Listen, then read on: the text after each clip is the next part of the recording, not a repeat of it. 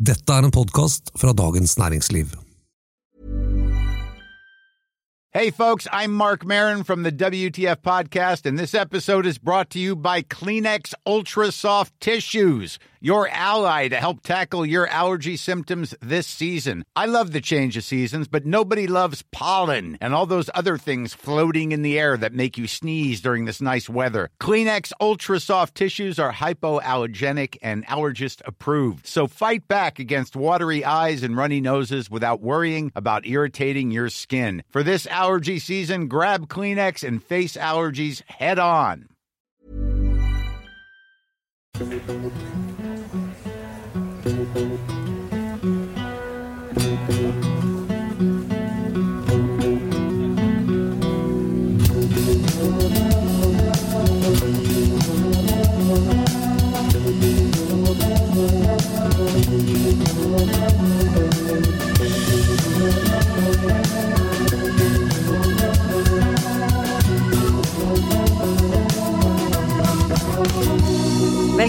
Til eh, dagens lunsj her i DN-teltet i Arendal. Jeg heter Eva Grinde, er kommentator i Dagens Næringsliv, og i dag skal det handle om McKinsey og damene.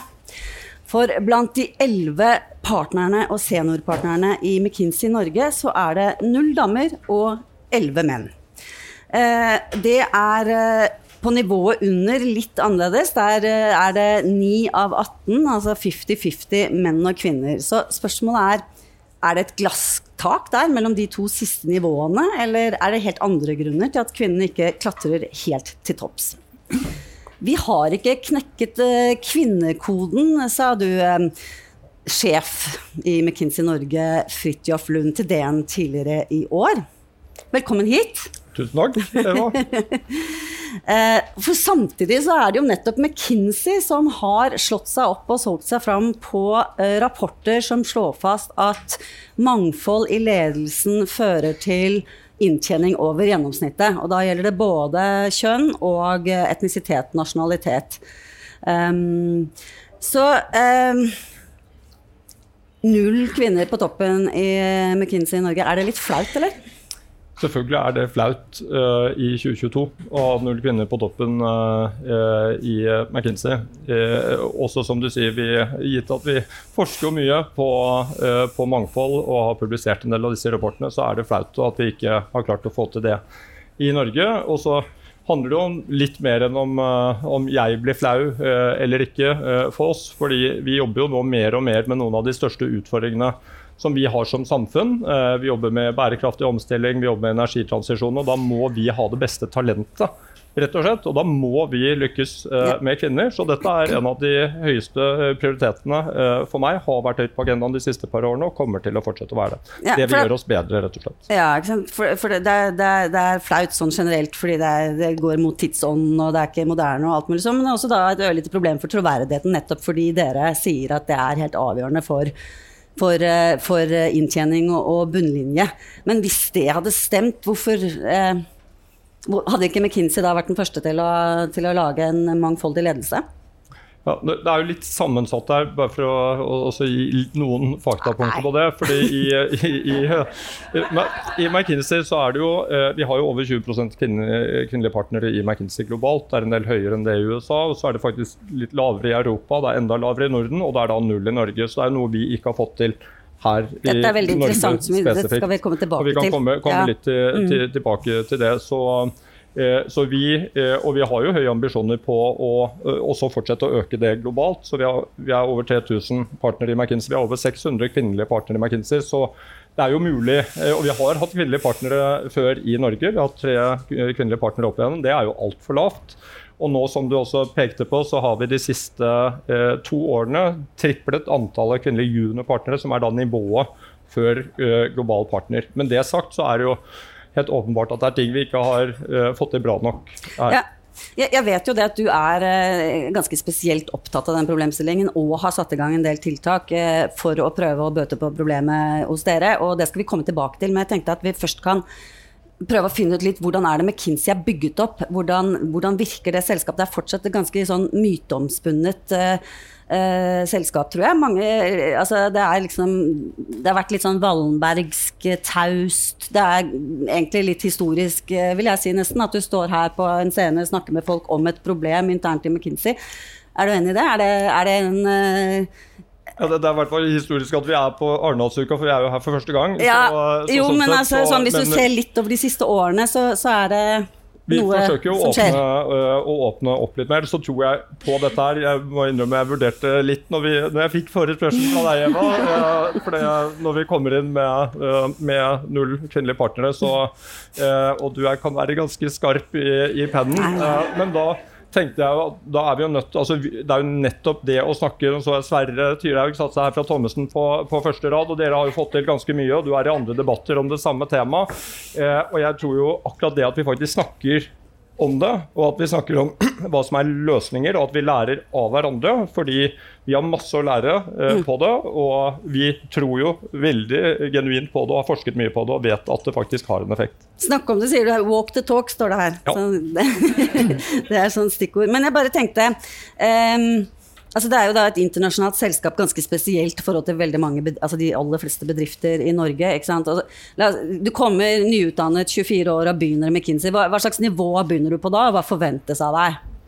Vi har jo forskjellige eh, nivåer, og vi har omtrent, siden vi snakker om, om det å bygge si, kvinnelige seniore ledere i McKinsey, så har vi omtrent 50-50 også eh, i, i, de som kommer inn på, på de første nivåene. Og så går man jo de ulike skal si, gradene etter hvert. Og der er jo eh, der hvor vi ser særlig utfordringen ligger, eh, og hvor jeg tror vi ikke har vært flinke nok til å fokusere eh, de siste årene, det er jo det å bygge dette juniorpartnerlaget, som er der de globale partnerne velges fra. Og så er det jo en litt forskjell fra f.eks. For et advokatfirma eller et norsk advokatfirma hvor man har en norsk partnergruppe som tar de beslutningene. I McKinsey så fattes beslutningene eh, av en global komité. Det er bare et faktum, det er ikke en, på en måte unnskyldning. for det er jo noe vi ikke har klart å få til godt nok i Norge, å dyrke frem eh, den generasjonen som, eh, som, det velges fra. Men, men det er i hvert fall hvordan vi fungere med tanke på, på partnervalg. Ja, sånn at Når du ønsker eh, å fremme en eh, partnerkandidat i Norge, så må det opp i liksom, de eldres internasjonale råd, på en måte? Ja, Det er ikke helt de eldres internasjonale råd, men, eh, men det er i hvert fall en global komité. Ja. Fordi vi er jo et globalt uh, rådgivningsselskap med 40 000 ansatte, og, da er jo, og med disse 3000 Eh, partnerne, så ønsker vi på en måte å være sikre på at de ulike partnerne har en globalt relevant ekspertise, at de jobber med ofte internasjonale klienter, at det er, eh, det er en del si, kriterier som ligger på tvers av land egentlig, for så det du, å være global partner. Så du tenker at det er en, en god organisering? Eh, jeg tenker i forhold til, eh, i forhold til det å holde eh, hva skal si, det, At det er de samme kravene som stilles til å være global partner i et globalt selskap, det tenker jeg er en fornuftig mm. organisering. Og er det, det, er jo liksom det sentrale spørsmålet. Hva slags krav stilles det til å være partner i dette, i dette globale selskapet? Hva er, de, hva er det de ser på? Nei, Det tror jeg er egentlig ganske likt på tvers av en del eh, konsulentselskaper. Eh, for oss så er det at du har en internasjonalt anerkjent ekspertise, at det er noe du eh, kan noe om, som er relevant for de utfordringene som vi hjelper våre klienter på. Og det er at du har jobbet med beviselig positiv effekt for et sett med klienter, ofte, ofte internasjonale klienter. At du, det går på ledelse, på entreprenørskap, om man eh, måte klarer å fornye seg også på kontoret og på hvordan vi jobber, eh, som er noen sentrale parametere. Du... Det er faktisk en forskjell igjen fra advokatfirmaene, nå ble jeg litt påvirket av Sverre her, men eh, det, er, det, er, at vi har faktisk ikke noen kommersielle kriterier for å bli partner i McKinsey. Så det spiller ingen rolle om du er god til å dra inn penger om, for å komme Nei, på toppen av McKinsey? Ikke til partnernivå. Der har vi også rene ekspertprofiler som, hvor det er eh, fokuset. Men altså, poenget med å være ekspertprofil og ettertraktet å være den ene som sitter på spesiell kunnskap, det er jo fordi den er mulig å selge, eller? Altså, hvorfor skal du ha det hvis det er derfor det, det, ja, men altså det, Selv om man ikke kanskje måler i kroner og øre, så det bare det, Jeg syns det virker eh, ikke helt troverdig at det ikke spiller noen rolle om du er god til å tjene inn penger for å bli partner i McKinsey. Det, det er i hvert fall hvordan systemet vårt er. Ja. Mange blir overrasket over det, så det er du ikke helt alene om. Men jeg tror tilbake til måte, spørsmålet er hva er det vi kan gjøre for å få flere, for det har vi jo ikke lykkes med. Vi damene detter ut mye før dette. Ja, Det vi ser er at uh, vi mister uh, for mange av våre veldig flinke uh, kvinnelige talent. Vi, nå har jo McKinsey også, vi, vi mister jo både mannlige og kvinnelige talent, bare så det er klart. og det Ja, er, vi er en, si, Det er attraktivt og, for mange å finne tidligere konsulenter, så der er det mange tilbud ofte. Så det er mange alternativer å velge mellom, og det er jo en vi nødt til å sørge for at vi hele tiden er en best mulig, mest mulig attraktiv eh, arbeidsgiver. Men det, Det er ikke sett hovedgrunnen til at kvinnene i større antall faller fra. Nei, det, det vi ser er jo at De faller jo ofte fra uh, på det nivået, altså seniorer, prosjektledere, eller da som juniorpartner, som er da nivået rett før, før partner. Det er der vi mister uh, mange. og Derfor har vi brukt mye tid, og jeg har brukt mye tid de siste par årene på å bli enda eh, skal si, dyktigere til å både få opp flere til juniorpartnerlaget. Der har vi da tredobbelt eh, så mange som vi hadde for to år siden. Så der har vi nå egentlig den beste eller eh, med en stor margin det, det beste grunnlaget vi har. Vi har flere kvinnelige juniorpartnere inne i global partnerevaluering denne høsten. Um, og Det er bl.a. knyttet til mentorskap. Det at man faktisk hjelper særlig eh, foreldre som kommer tilbake fra lengre eh, foreldrepermisjoner. Hjelper de tilbake i, i, i selskapet, inn i kledssituasjoner etc. De som faller fra, som, som de jo da beviselig gjør i stort antall, fordi dere, dere ansetter 50-50 og det er null på toppen. Eh, har du noe sånn systematisk intervju, intervjuer du dem? Altså, hva er grunnen til at de faller fra? Min research sier noe om at dette handler om tid, timer de er nødt til å bruke på jobb for å komme seg opp i McKinsey-systemet. Er det noe du hører? Uh, jeg, vi snakker med alle, så, så det, jeg har snakket med, med alle de siste årene som, som har sluttet også. Det lærer man uh, masse av hele tiden, og vi lærer jo kontinuerlig å, å, å se på dette kontinuerlig. og uh, Jeg tror intensiteten kanskje for en, uh, en juniorpartner i McKinsey er altså det er en senior lederrolle hos oss. Det er vel omtrent det samme som andre seniore lederroller eh, internasjonalt. Og det er jo en faktor eh, som gjør eh, når man står overfor ulike, ulike valg. Men jeg tror igjen for oss så har det virkelig vært det å bli systematiske nok på hvordan vi tenker eh, For det første da bare få flere opp til det nivået. Hvordan vi tenker eh, også i og for seg eksternt, det å se eksternt etter eh, direkte ansettelser av partnere, av kvinnelige partnere, særlig eksternt. og Det har vi fokusert mer på de siste årene. Men i snitt, eh, hvis du skal gjøre det bra i McKinsey på de lavere nivåene, hvor mange timer i uken må du jobbe da? Nei, Det er ikke noe bestemt Nei, eh, sånn- tall på. Det, Jeg skjønner at du ikke har satt at du må jobbe ja. Nei, det, det er er vanskelig å si. Det er faktisk ikke de laveste nivåene egentlig hvor vi ser de, de største utfordringene. Det er som sagt, det er akkurat denne overgangen eh, fra juniorpartner til det å velge en litt lengre horisont eh, på McKinsey. Og det å også klare å beholde de partnerne. Som sagt, Vi har hatt tre kvinnelige partnere i Norge tidligere, og det å klare å faktisk beholde de over lengre, eh, lengre tid. Og de får mange tilbuder fra veldig spennende og meningsfulle alternativer, og da må vi hele tiden bli enda bedre på det. Ja, eh, bare ett et sånt eh, spørsmål til om måten dere organiserer arbeidet på. For det, det jeg vet er at dere selger uh, ukeverk. Ikke sant? Framfor timer, sånn at man kan si ja, eh, vi bruker to uker på den jobben der, og da setter vi så og så eh, team på det. Og så hvis det er Så er det selvfølgelig Jo kortere tid du kan bruke, jo mer penger kan du få inn. Er, er det et problem? Altså sånn at eh, For å løse den oppgaven, så jobber du til to om natta, da. Altså fordi at du har bare de to ukene. Jeg tenker vel at det er nesten heller en, en styrke enn et problem. Det er en annen modell, altså dette med fastpris. Nå, igjen, nå er det mange i andre rådgivningsmiljøer som også eksperimenterer med ulike modeller. Eh, vi ser jo også, går jo faktisk delvis bort fra den modellen og gjør også mer effektbasert prising, som er en helt annen modell igjen. Så, så jeg ser ikke det eh, som, eh, som problemet, for å si det sånn. Jeg tror det kan være igjen for advokatbransjen med timefakturering, så kan det, og med mye striktere krav knyttet til det, så kan jo det kanskje være en enda større utfordring enn om du har fastpris. Ok, eh, Kvinneproblemet er ikke helt løst enda, men vi skal prøve å komme litt videre. Mari Teigen, fra CORE, eh, likestillingssenter, Institutt for eh, samfunnsforskning.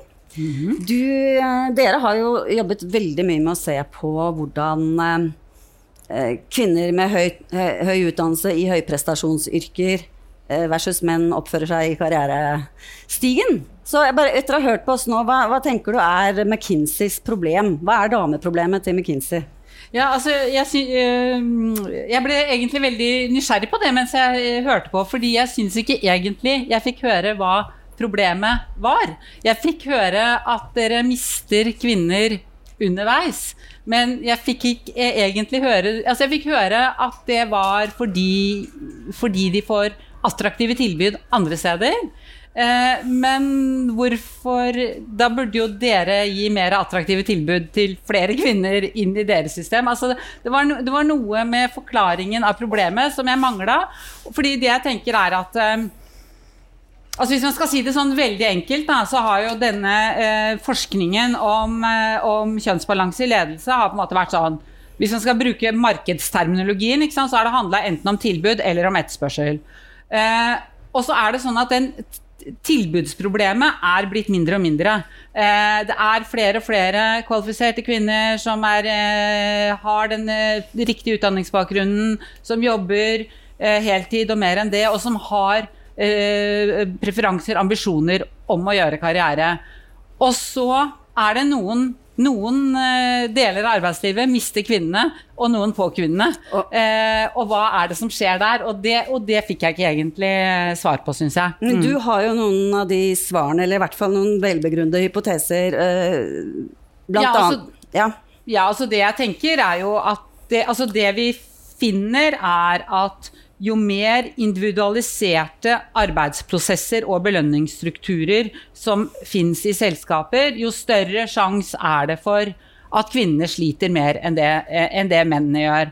Og så henger det i sammen med eh, arbeid-familie-klemma, på en måte.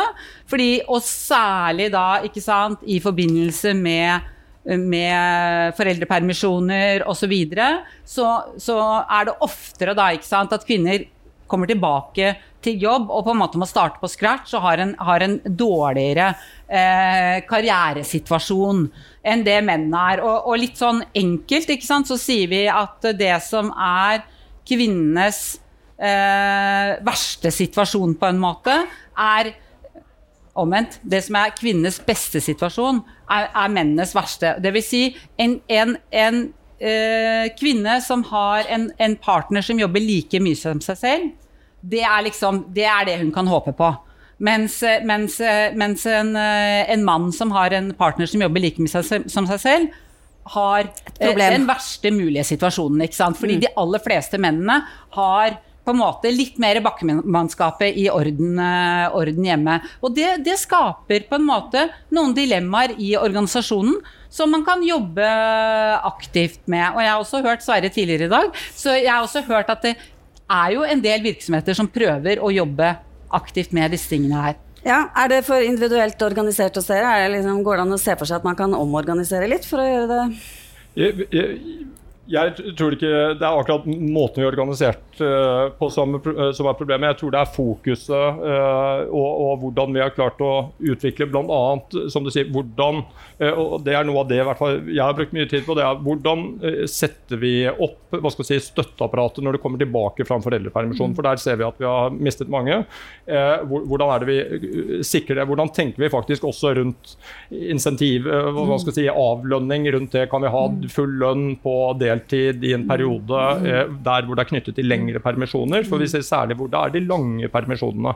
Eh, og så vil Jeg bare si at jeg tror det er noe si, positivt som, som, også underliggende. Nå har man sagt det veldig lenge, det viser jo vår forskning også at dette har jo ikke endret seg. Det endrer seg jo ikke veldig fort, selv om det er noen eksempler igjen. Nå får Sverre fryktelig mye skryt her i dag, men det er jo noen eksempler på, på at man får det til i visse, ja. visse, bransjer.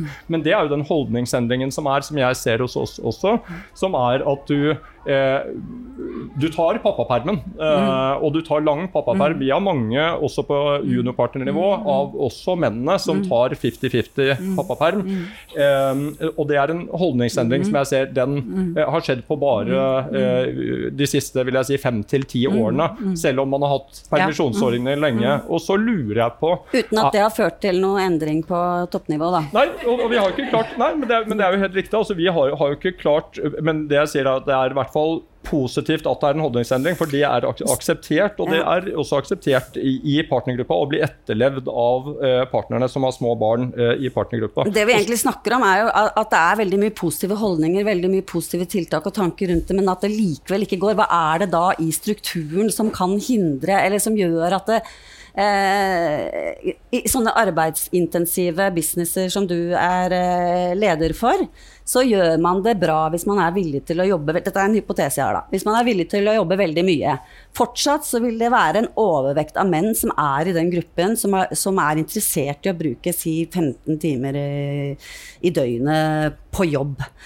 Så det er nok av dem. Så, det, er- så derfor vil de vinne fram opp i systemet. Er det, er det en hypotese det er det, Hva syns du om den? Forskningssynet her. Jo, men jeg, altså jeg tror at det er en faktor. Og så tror jeg også at mm, altså Det fins en, en, ganske mm, eldre amerikansk studie av Arlie Horsheil som eh, studerte familievennlige bedrifter. Og så viste det seg at det, sant, de familievennlige tiltakene ble ikke brukt fordi det var noe annet som gjaldt. Eh, Det var noe annet som gjaldt for, for å lykkes eh, i virksomheten. Det er uttalt og ikke uttalt kultur, da. Ja, ikke sant? Og, det, men, og jeg tror, altså jeg tror som deg at det skjer store endringer. Jeg tror at eh, menn i mye større grad opplever eh, disse utfordringene med, med å få til eh, arbeid og familie. Altså det er jo eh, det er på en måte logisk som følge av at eh, kvinner eh, ønsker karriere, tar høyere utdanning, alle de tingene der. Men, men, men samtidig så kan det nettopp være som Eva sier, da, at hvis det er mange nok av eh, sånne helt superambisiøse, topparbeidende eh, menn, så, så, så eh, som det også ble sagt på et seminar jeg var på tidligere i dag, at man må kanskje se litt forbi eh, disse eh, som, som viser seg fram og sier 'her er jeg, her er jeg', ikke sant? Skal ikke jeg, skal ikke jeg få bli partner i McKinsey? Eh, og, og så på en måte følge litt bedre opp eh, de andre kanskje veldig dyktige kandidatene man har i organisasjonen. Jeg tenkte å komme tilbake til det som også er veldig interessant, synes jeg, den forskjellen mellom da USA, Europa, Norden, Norge, hvor liksom USA er best på damer, og så går det nedover til Norge. Og da, og da tenker jeg at det eh, ha, det er en hypotese da, er at i Norge så har man faktisk mulighet til å ha en ganske meningsfull karriere og familie og barn og være å være kvinne på, på, et, på et høyt nok nivå. Sånn at, eh, mens, jeg vet ikke om dere har undersøkt det, da, men om, om, om man da er partner i USA, at det er veldig mange som kanskje har valgt bort familieliv, f.eks. Altså, dette er likestillingsparadokset som man har snakket om eh, i, i forskning, eh, eller i forskning på Norden og Norge eh, før. Som jo, fordi vi er rett og slett dårligere enn veldig mange andre land til, når det gjelder toppstillinger i næringslivet. ikke sant? Ja, altså Det er faktisk uh, en sannhet med store modifikasjoner, da. Ja. Altså det, det som mer er påfallende, er jo at uh, likestillingsutviklingen i stort har kommet lenger i Norge og de nordiske landene. Eh, mens på toppen så ser det påfallende likt ut eh, i, i veldig mange industrialiserte okay, ja. land i verden. Og jeg tror at en av utfordringene som, som man har hatt i Norge, er på en måte at eh, altså, eh, Nå skjer det masse positivt nå, men lenge så var på en måte eh, velferdspolitikken og likestillingspolitikken det var på en måte statens ansvar. Eh, sånn at veldig mange virksomheter jobba ikke så aktivt med disse tingene. Så det jeg liksom hører nå, og som vi i og for seg også finner, at veldig mange jobber systematisk og godt med disse tingene her. Og kanskje også med aktivitets- og redegjørelsespliktene i likestillings- og diskrimineringslovgivningen. mener du at det er et mål i seg selv som forsker? Eh, Jeg tror at det er bra frem? for likestillingsutviklingen eh, å gjøre disse tingene. Ja. Jeg tror det er bra for likestillingsutviklingen å og på en måte ikke eh, på en måte si at ja, staten, staten får ordne opp med Jeg er for, for pappakvote og sånt noe, men jeg tenker det handler vel så mye om at virksomhetene også jobber med likestillingsutfordringene sine eh, internt. da. Mm. Eh, og at det på en måte er det skrittet som, som vi må gå nå. da. Men jeg- ja. Vi- Bare en kommentar på det. for vi, vi tror jo at det, og vi vet at det vil gjøre oss bedre, rett og slett. Altså til bedre rådgivere. Vi vil få mer talent som vi trenger. Vi trenger det beste talentet igjen. Og da er det klart at vi må lykkes med kvinner. Så jeg vil si det er mange grunner til det, men for oss er det også ren hva skal si, Det å bli best, være en best mulig rådgiver, da er vi nødt til å lykkes med det. Jeg, jeg har et spørsmål uh, i, i seg knyttet til uh, om man ser for Det er i hvert fall en hypotese hos oss, er jo at også nye måter å jobbe på, særlig etter pandemien, altså fleksibilitet. Vi jobber mye med hvordan vi kan også være, tilby enda mer fleksibilitet, kanskje særlig altså både til menn og kvinner i småbarnsperioden, eh, og aktivt eh, understøtter det at man kan jobbe hjemmefra eller jobbe fleksibelt i lange perioder. Vi har eh, også løst opp på at du kan være f.eks. juniorpartner eller prosjektleder over veldig lange perioder, altså mange år. Så vi har måtte sluttet litt med denne up or out som mange kanskje forbinder McKinsey med. Vi har det hva skal jeg si, underliggende fremdeles, men vi har mye mer fleksibilitet på hvordan man ønsker å legge opp karriereløpet. Og det tror jeg også kan bidra i hvert fall positivt. da. Så um, Jeg bare tenkte litt på det du sa om at eh, vi, vi er nødt til å få mangfold på grunn av at da, for å få tak i mest mulig talent. For der, der har jo McKinsey vært en premissleverandør for den, for den oppfatningen, mener jeg, med disse tre rapportene fra 2015 med Diversity Wins. Og det har blitt veldig, veldig mye referert til. Men også eh, ganske kritisert eh, fra forskerhold. Eh, nemlig en ting er liksom korrelasjon mellom mangfold i ledelse, og, og derfra til å si at liksom bare vi får mangfold i ledelse, så altså, Og det at det ene fører til det andre. De to tingene er jo ganske forskjellige. Eh, og blant annet så ble det testa mot ulike bransjer. Eh, altså hvis man tok og kontrollerte for bransjer, så var det mye mindre Eller det var, da var det ikke en sånn effekt av å ha mangfold. jeg, jeg så at dere skrev om det for en stund siden, og vi, vi snakket litt om det. Nå er vel en, kan jeg la forskeren uh, svare, men akkurat dette med korrelasjon altså Vi påviser en korrelasjon og ikke en kausalitet. Jeg er enig i det, men den blir brukt vi er, vi er ty veldig tydelige på det i rapporten, at dette er en korrelasjon, ikke en kausalitet. Og, eh, men samtidig, mye av det man har forsket, forsket på tidligere, altså på røyking, så slo man vel fast det var vel 40 år før ja, man fastslo en korrelasjon, og så gikk det 40 år før man fikk kausalitet. Ja. Eh, så, så jeg tror det er viktig å starte et sted, og man må starte Vi starter med de tallene eh, vi har, eh, og så er det viktig at vi nettopp tar det opp og snakker eh, hva skal vi si, aktivt debatterer det, og særlig løsninger. løsninger, sånn som Eva har tatt opp i dag. Og du, hva, hva Nei, det tenker jeg du har om den lyst til å si, er at mm. Uh, man bør jobbe med kjønnsbalanse, mangfold og likestilling fordi det er riktig og rettferdig. Og så vet jeg at lønnsomhetsargumentet uh, det er effektivt, på en måte. Uh, Det det, er noe med da. liksom å, å vinne og, å, vinne folk og mobilisere folk eh, rundt problematikken. Eh, de studiene som fins, eh, spriker egentlig alle retninger. Når det gjelder altså, kausalstudier, eh, så finner noen, eller egentlig nesten bare én, en negativ sammenheng. De fleste finner at kjønnsbalanse ikke har så mye å si for lønnsomheten. Og så fins det noen som, som, som viser en, en positiv sammenheng.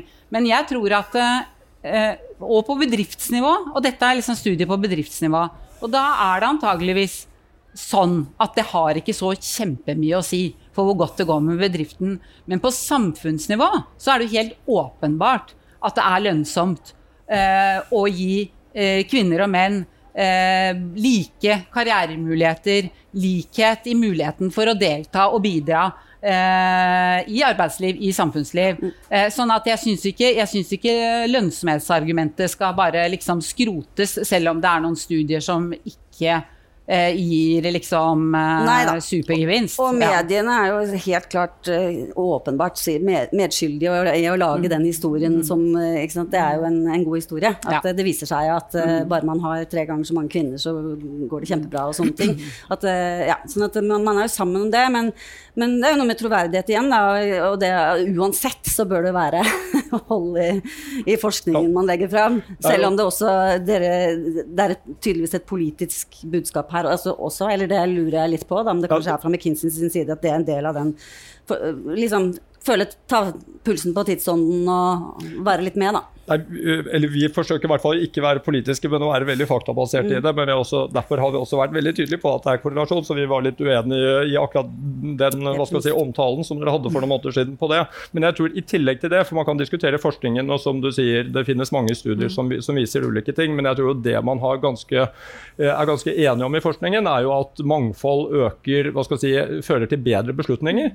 Eh, Det tror jeg finnes eh, Ja, mye, gjør det, eller det har jeg ja. sett mye, så det er ganske entydig. Og at du får tilgang, som ikke helt går an å diskutere, med at man får tilgang til mer talent. Det er jo 50% av si, talentbasen eh, å lykkes med kvinner. Og for oss er det viktig, vi trenger de aller skarpeste hodene, og da må vi ha eh, tilgang også opp på seniort ledernivå på, med det kvinnelige talentet. Så for oss er egentlig akkurat altså lønnsomt eller ikke, på en måte det viktige er tar vi bedre beslutninger, får vi bedre talent, og gjør det oss bedre som rådgivere. Da fikk du sagt det helt til slutt. Eh, Det var egentlig så langt vi kom i å løse kvinneproblemet til McKinsey mm, her i dag. Følg med videre i eh, DN-teltet. Her skjer det ting utover hele ettermiddagen. Takk. Takk.